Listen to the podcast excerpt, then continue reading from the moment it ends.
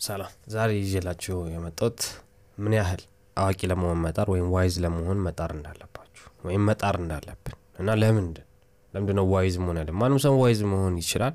wise ስል ምንድነው? ማወቅ ህይወትን ማወቅ። ህይወትን አናቃትም። ምናቅ ይመስለናል ግን አናቃትም። ህይወትን ሙሉ ለሙሉ ማወቅ ሞትን ማወቅ ህመምን ማወቅ አሁንን ማወቅ የአሁንን ጥቅም ማወቅ የሀሳብ ጥቅም ጉዳት ማወቅ የሀንገራችን ትርጉም ማወቅ። ለምንድን ነው የምናድደው? ለምንድን ነው ምንቀናው ለምንድን የምበሳጨው? ለምንድን ነው ምጠላው ሰውን እሱን ማወቅ። አትጥሉ አትቅኑ አትናደዱ ሳይሆን ለምንድን ነው የሚለውን ማወቅ ነው ዊዝደም ታዘባችሁት ከሆነ ብዙ ጊዜ በደመ ነፍስ ነው። በደመ ነፍስ ነው የምንናደደው በደመ ነፍስ ነው የምንቀናው። brain እንደሌለው ሰው። wise ለመሆን መጣር አለባችሁ በፍልስፍናውም በምንም ቢሆን በ religion ም በምን wise ሁኑ አማኝ አትሁኑ ዝም ብላችሁ አትመኑ። እወቁ ለምን እንደምታምኑ ለምን እንደምትናደዱ እወቁ ለምን እንደምትቀኑ እወቁ። ስለዚህ ምንም ነገር ስናደረግ ዊዝደም ያስፈልገናል። ማወቅ መቻል ህይወትን። አምናት ሳይሆን physics or chemistry ህይወትን። everyday የምናረጋቸውን ነገሮች ማወቅ። ለምንድን ነው ማደርገው ለምንድን ነው አንዳንድ ጊዜ ጠዋት ስነሳ አሪፍ mood የሚኖረኝ? ለምንድን ነው አንዳንድ ጊዜ ደግሞ ጠዋት ስነሳ አዛ mood የሚኖረኝ ምክንያቱ ምንድን ነው እሱንም ማወቅ maybe አሰልችቻችሁ ሊሆን ይችላል mindfulness ምናምን እያልኩ ግን እኔን የጠቀመኝ mindfulness ነው ልብ ማለት ነው። ማወቅ powerful እንደሆነ እና እሱን ደግሞ የምናገኘው ነገሮችን በጥልቀት በማየት ነው። mindfulness እዚህ ጋር powerful እንደሆነ የምታውቁት ምንድን ነው ነገሮችን በጥልቀት ስናይ ነው የምናውቀው። ማወቅ የሚመጣው ልብ ስንል ነው። የሆነ ሰዓት ጠዋት ስነሳ ልብ አልኩት ለምንድን አዛ እንደሆንኩ? የሆነ ሰዓት ደግሞ ጠዋት ስነሳ አሪፍ mood ላይ ያለሁት እሱንም ልብ አልኩት እና በደንብ በጥልቀት ሳይ ወደ ኋላ reflect ሳደርግ ምክንያቱን አወቅኩኝ። ስለዚህ now አይገርመኝም ማለት ነው። አሁን እንዴት ነው ላይ ህይወትን አልጠላም ማለት ነው? ነገሮች ሁሉ በሁኔታዎች በ condition ኦች የተሞሉ መሆናቸውን አውቄ እንዴት ነው? ከበፊቱ በላይ አልረበሽም ማለት ነው። every time ጠዋት ስነሳ ደስተኛ መሆን ይቻላል እያልኩ አይደለም። እንደሱ አይደለም ህይወት የሚሰራው እስካሁን እስከማቀው ማለት ነው። wisdom የሰጠኝ ነገር ወይም በትንሹም ቢሆን ያለችኝ wisdom የሰጠኝ ነገር ምንድን ነው መቀየር የምችለው ነገር እንድቀይር ያደርገኛል መቀየር የማልችለው ነገር እንድቀበል ያደርገኛል እሱ ምንድነው? wisdom ነው። wisdom ስል ህይወትን ማወቅ ነው። እኔ ማወራው wisdom ህይወትን ማወቅ ነው። አንዳንድ ጊዜ ትልቅ ሰዎች ሲያወሩ deep ነገር ያሉ ጠለቅ ያለ ነገር ያወሩልናል። ለምሳሌ የ25 ዓመቱ ወጣት የሚያሰቃየው ነገር ለ75 ዓመቱ አዛውንት ማለት ነው። በጣም ነው የሚያስቀው። ለምን? ስለሚያውቀው ስላለፈበት ማለት ነው። ስለዚህ ብዙ ጊዜ wisdom ትልልቅ ሰዎች ጋር የሚገኘው። ለምንድን ነው ስህተቱን ሰርተው አሳልፎት ከዛ ከስህተታቸው ስለተማሩ ነው። wisdom ማለት እሱ ነው። እኔ አሁን ደግሞ ምለው ለምንድን ነው እስከምናረጅ የምንጠብቀው? wise ለመሆን የሆነ ነገሮች ለማወቅ ህይወትን ለማወቅ ለምንድነው እስከምናረጅ የምንጠብቀው? አሁን ላይ wise መሆን እንችላለን ወይም ደግሞ አሁን ላይ wise ለመሆን መጣር እንችላለን። እንዴት ነው ምንችለው የሚለውን አንድ ሚሊዮን ጊዜ ደግሜ አለሁ። በ mindfulness ነው በተረጋጋ መንፈስ ነው። የተረጋጋ ሰው ነው wise መሆን የሚችለው። የተረጋጋ ሰው ነው ነገሮችን ቆም ብሎ ማየት እኔ 25 ዓመት የሆንኩ እንደ 75 ዓመቱ አዛውንት ማሰብ እንዴት ነው የምችለው? ረጋ ብዬ ቆም ብዬ ነገሮችን ሳይ ነው። ያኛው የ25 ዓመት ወጣት ማለት ነው የሚሰቃየው በማይሆን ነገር because በደመ ነፍስ ስለሚንቀሳቀስ ነው። ረጋ ብሎ ስላላየው ነው። ለምን? እድሜው ነው። አትፍረዱበት። እድሜው ነው። በ25 ዓመት መረጋጊያ ጊዜ አይደለም። ብር የሚያሳድድበት ስራ የሚፈልግበት ጊዜ ነው። አንፈርድበት። ስለዚህ አሁን እኔ ምንድነው ምለው የምፈልጉ ሰዎች wise መሆን any age ላይ ይቻላል any age ይቻላል ወጣትነት እድሜ ጀምሮ ራሳችሁን ማወቅ የሆነ ጥያቄ መጠየቅ ከጀመራችሁ ጀምሮ ማለት ነው። ምንድን ነው ለምንድን ነው ይህን ስራ እየሰራሁ ያለሁት? ምንድን ነው ማለት what's the point ምናምን እያላችሁ መጠየቅ ከሆነ ራሳችሁን wise መሆን ትችላላችሁ ማለት ከዚህ ነው የሚጀምረው አዎ ጊዜ ይወስዳል አዎ time ይወስዳል አዎ like just ብዙ ስህተት ያስፈልገዋል wise ለመሆን ግን መሆን ይቻላል። እና ያ wisdom ማለት ነው በ mindfulness ነው የሚመጣው ብያለሁ። ከሱ ውጭ የመጣው wisdom ሳይሆን smartness ነው። ይሄ smartass መሆን ነው። like እውቀት ሰላም አይሰጠንም አሁን እኔ ደስ የሚለው ነገር ማለት ነው ለ wisdom በጣም ቦታ የሰጡት ያለበት ምክንያት ማለት wisdom ሰላም መስጠት ስለሚችል ነው። በስነ ስርዓት ሰላም መስጠት ስለሚችል ነው። ይህን ስታስቡ አረ እኔ አውቃለሁ እኔ wise ነኝ አውቃለሁ life የምትሉ ሰዎች ማለት ሰላም እየሰጣችሁ ነው ወይ? ያ እውቀታችሁ ሰላም እየሰጣችሁ ነው ወይ? ቀን ተቀን ህይወታችሁ ላይ ሰላም እየሰጣችሁ ነው። ሰላም ከሰጣችሁ በጣም አሪፍ። you're wise ከራሳችሁ ሰላም አልፋችሁ ሌላውንም ሰው ሰላም ማድረግ ከቻላችሁ አዎ you're wise know life ገብቷችኋል። ሁሉም ነገር ጊዜ እንደሆነ ገብቷችኋል።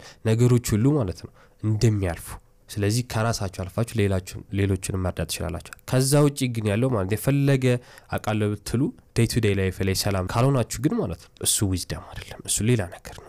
ስለ እሱ ማውራት ራሱ አልፈልግም። that's just like I waste my life man ረጅም ጊዜ ጊዜን ያቃጠለብኝ ነገር ነው። smart መምሰል ነው። ለሌላ ሰዎች like ያቃል መባል የምንሰራው ስራ ነው እሱ? ይህ መድገም ማለት ነው። ያነበቡትን መድገም ነው። እሱ wisdom ሲሆን ያነበባችሁትን ነገር ለሰው ትደግሙትና ያነበባችሁትን የራሱ ሀሳብ ከዛ የሆነ አዋቂ ትመስላላችሁ። እሱን አይደለም ነው ግን የሚያቅ ሰው ማንም ሰው ሳይኖር ብቻውን እቤት ቁጭ ብሎ ሰላም መሆን ይችላሉ ብቻውን ሆኖ ከራሱ ጋር ሲነጋገር ሰላም መሆን ይችላሉ anything attack ሲያደርገው mind ኡን ማረጋጋት ይችላሉ anything ሲሳሳት ራሱን forgive ማድረግ ይችላሉ ራሱን ይቅርታ ማለት ይችላል እንደዚህ አይነት ሰው ነው wise ማለት እና እንደዛ መሆን እንችላለን። ስለዚህ wisdom is everything ግን በተለያየ መንገድ ሊመጣ ይችላል በፍልስፍና ሊመጣ ይችላል። አዎ ፍልስፍና ቦታ ስጡት በመፈላሰፍ የተለያዩ ነገሮች በመጠየቅ ማለት መፈላሰፍ ማለት በመጠየቅ ነው። እየጠየቃችሁ መልስ እያገኛችሁ sense የሚሰጡን እየተጠቀማችሁበት apply ያረጋችሁት ማለት ተፈላስፋችሁ ቁጭ አትበሉ። ተፈላስፋችሁ ሰው አታደናቁሩ ተጠቀሙበት። ፍልስፍና እኔ ስል ማለት ፍልስፍና ያስፈልጋል ስል ያ ፍልስፍና ጥያቄ ነው። እሱም አንዱ መንገድ ነው contemplate የማድረግ ነገሮችን በጥልቀት ማየት ከዛ ያንን ነገር ይዩትና ከዛ በኋላ የሚጠቅም ከሆነ apply አድርጉት day to day life ኣችሁ ላይ። አትጻፉት ወይም ደግሞ የሆነ ላይ አትናገሩ። apply አድርጉት ኑሩበት። ፍልስፍና sense የሚሰጠው እሱ ጋር ነው። ሰው አታደናቁሩ ማለት ነው ከዛ ደግሞ ውጭ ከፍልስፍና ውጭ አሁን እንዳልኩት በ mindfulness ነው። በ meditation ልብ በማለት ነገሮችን በጥልቀት በማየት ደግሞ wise መሆን ይቻላል። ያ wisdom የሚነግረንን ነገር እየሰማን ህይወታችንን የሆነ ማሻሻል እንችላለን ሰላም መስጠት እንችላለን። ስለዚህ ለ wisdom ትልቅ ቦታ እንስጥ እና wisdom በሁለት መንገድ ይገኛል። አንዱ በ mindfulness ነገሮችን በጥልቀት በማየት meditate በማድረግ ራስ በማረጋጋት reflect በማድረግ ሌላው ደግሞ በመፈላሰፍ ነገሮችን everything በመጠየቅ ማለት everything happen ሲያደረግባችሁ ጠይቁ ስትናደዱ ጠይቁ መልስ እስክታገኙ ድረስ አጥጋቢ መልስ እስክታገኙ ድረስ በ meditation ደግሞ ስትናደዱ ረጋ ብላችሁ እዩት አሳልፉት ወይም ደግሞ contemplate አድርጎ ልክ እንደ ፍልስፍና ማለት በጥልቀት እዩትና ከዛ ምጠይቁ ለምንድን ተናደዳችሁ? መልስ እስክታገኙ ድረስ። ሳትስፋ የሆነ መልስ ካገኛችሁ ተናደዱ የሆነት መናደድ ግዴታ ከሆነ። ግን ራሳችሁ ስጠይቁ መልስ ያገኛችሁት የማይረባ ነገር ከሆነ ደግሞ አትናደዱ።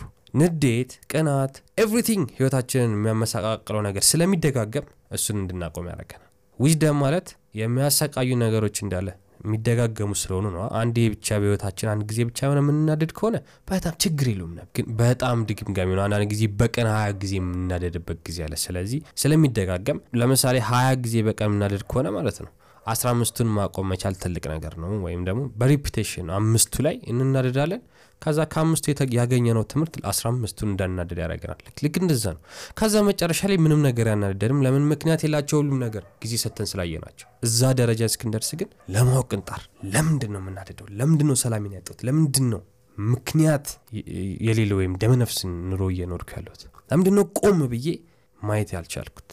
ለምንድን ነው meditate ማድረግ ያልችል ለምንድን ነው mindful መሆን ያልቻልኩት? ለምንድን ነው የሆነ ሰው ሳየው የሚያናደደኝ ለምንድን የሆነ ሰው ሳየው የምወደው ምንድን ነው ምክንያቱ አለው ምክንያት ግን እውነት አጥጋቢ ነው ወይ? እውነት ለእኔ ሰላም ይሰጠኛል ወይ? እሱን ማወቅ ከቻላችሁ እሱን ጠይቃችሁ መልስ ማግኘት ትችላችሁ መልሶ አለ። ደስ የሚለው ብዙ ጊዜ ይህንን አባባል ሰምታችሁ ሊሆን ይችላል ብዙ ሰው ማለት ነው ጥያቄ ሲጠይቅ መልሱን ያውቀዋል። ሁልጊዜ ጥያቄ ካለን መልሶ አብሮ አለ። ግን ማንም ሰው ራሱን አይጠይቅም። ራሱን weak አድርጎ ነው የሚያስበው። ራሱ የማያቅ የማይረባ አድርጎ ነው የሚያስበው። ግን እስከነ መልሱ ነው ጥያቄውን create ማድረግ ከቻለን መልሱም አብሮ አለ ትንሽ ያስለፋናል እንጂ ለመልሱ ማለት ነው።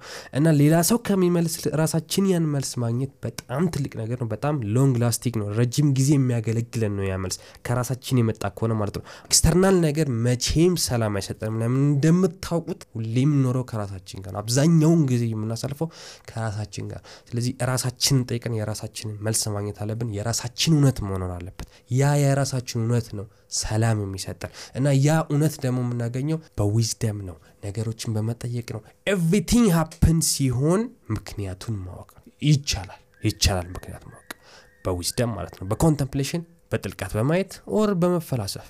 ለምን? ለምን? ለምን? ለምን እንደዚህ ነው? ለምን እንደዚህ እንደ ህፃን ልጅ በሉ። ለምንድን ነው እንደዚህ ነው? ለምንድን ነው እንደዚህ ለማወቅ ጣሩ። ለማወቅ ጣሩ ለምን እንደምትናደዱ? ለማወቅ ጣሩ ለምንድን ነው ሰላማችን የተነሳንበት ምክንያት? ለማወቅ ጣሩ እራሳችሁ ሌላ ሰው አትጠይቁ ሌላ ሰው blame አታርጉ እሱ power የለውም እድሜ የለውም የሆነ ሰው ሲመጣ ከሆነ ደስ የሚለን ማለት ነው። ይሄዳል ሲሄድ ደስ አይለንም ማለት ነው።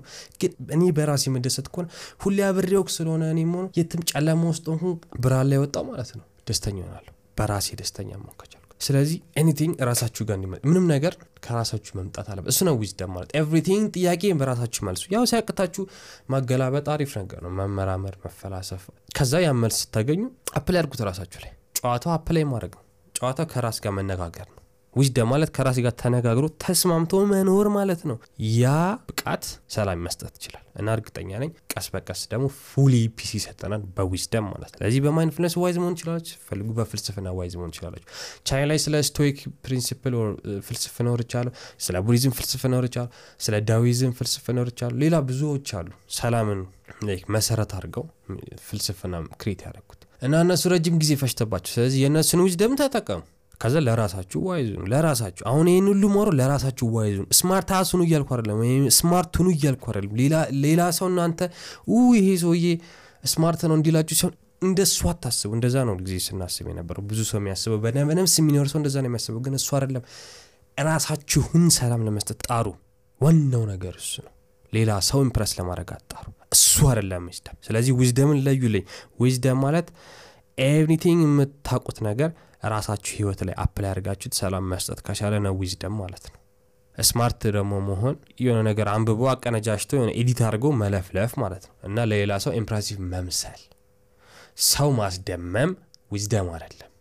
እኔ እኔ እኔ ማለት እኔ ሰላም ለማግኘት ሌላ ሰው ማስደመም አለብኝ ወይም ብቻ ነገር የለብኝም ራሴን ነው ማስደመም ያለብኝ። ስለዚህ እሱ ነው wisdom። ይቅናችሁ። love and respect peace